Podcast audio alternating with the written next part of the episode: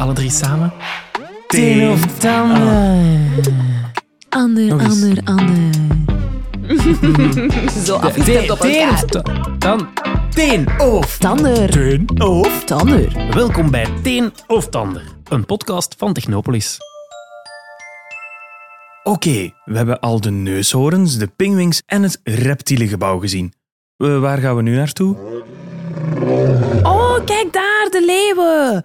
Ja, dat zijn wel echt de beste dieren in de dierentuin, hè, Michiel? Kijk, wat een grote klauwen. Wow, dat zijn wel echt luie beesten, hè? Ik vind dat toch niet zo indrukwekkend. Geef mij maar die gifslangen van daarnet. Kom aan, klauwen zijn toch veel cooler dan saai gif.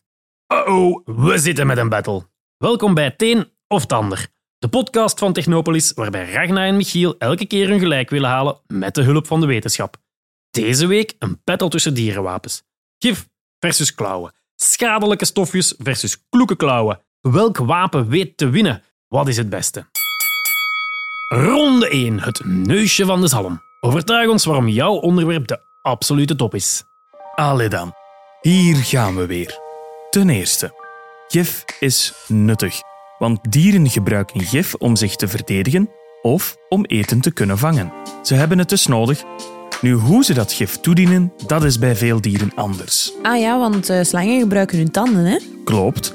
Maar er zijn ook nog andere manieren. Zo heb je bijvoorbeeld schorpioenen, die gebruiken een stekel. En bij die kleine felgekleurde pijlgifkikkertjes zit het gif in hun huid.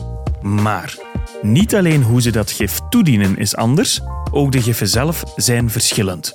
Dat kunnen allerlei verschillende stofjes zijn die effecten hebben op je lichaam. Ah, zoals? Wel, zo is er gif dat je hart- of ademhaling doet stoppen, gif dat je bloeddruk verlaagt of verhoogt, gif dat ervoor zorgt dat je gaat bloeden, of gif dat er juist voor zorgt dat jouw bloed gaat klonteren. Eh, Michiel, je overtuigt mij toch niet echt dat gif zo geweldig is, hoor. Ja, wacht maar af, want gif kan ook goed zijn voor ons.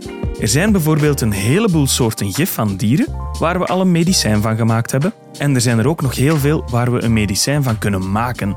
Denk maar aan het vogelbekdier. Het vogelbekdier. Jawel, dat dier dat is een beetje een specialeke. Het vogelbekdier is een zoogdier, het legt eieren en het heeft ook nog eens een gekke snavel die lijkt op die van een eend. En om het allemaal nog wat zotter te maken, hebben de mannetjes ook nog eens een giftige stekel aan hun achterpoten. Die gebruiken ze tijdens het vechten tegen andere mannetjes. Als ze daarmee steken, dan doet dat pijn hoor. Maar, en nu komt het beste, in dat gif zit wel een stofje, een hormoon, dat mensen kan helpen die suikerziekte hebben. Wetenschappers hopen dan ook dat ze dat gif kunnen omzetten in een medicijn en zo mensenlevens kunnen redden. En als dat nog geen grote plus is voor het gif, dan weet ik het ook niet meer.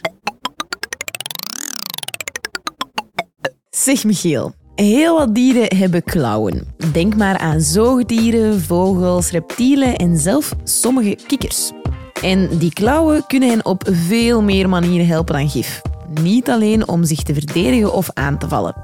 Ten eerste kunnen klauwen helpen om voedsel te vinden.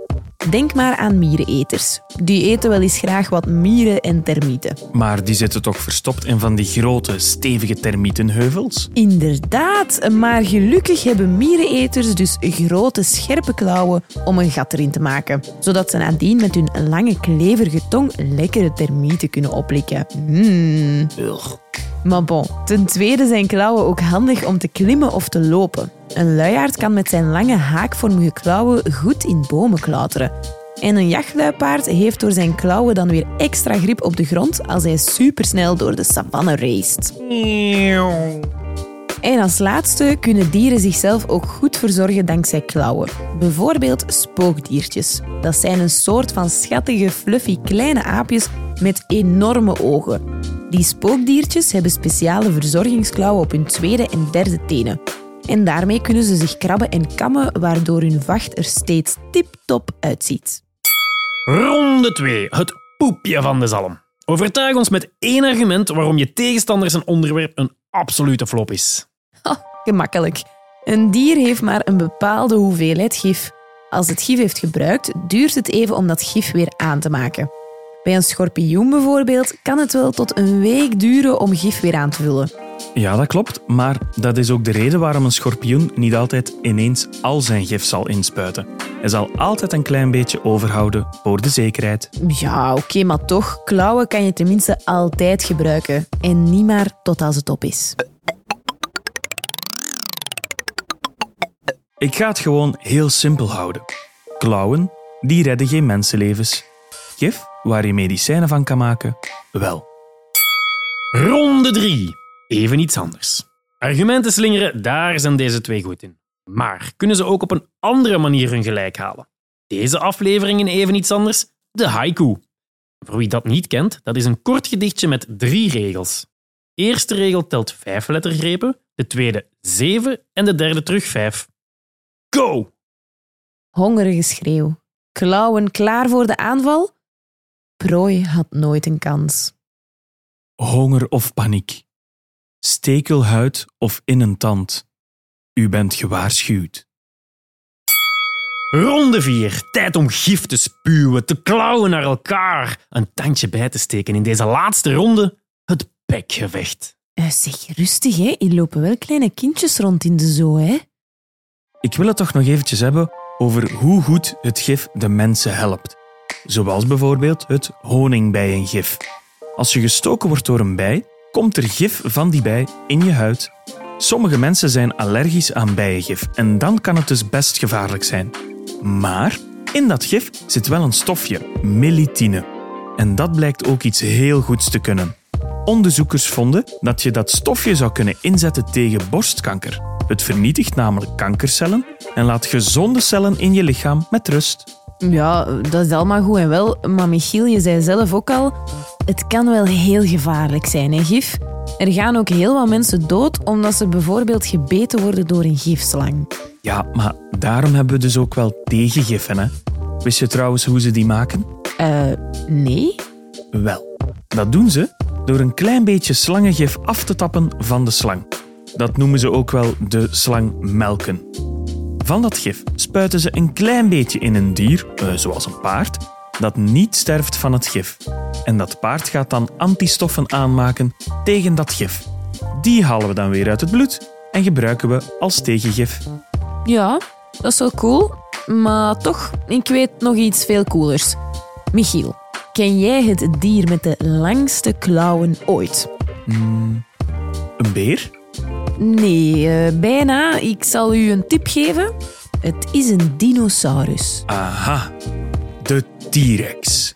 Nee, niet de T-Rex. Het dier met de langste klauwen ooit was de Therizinosaurus.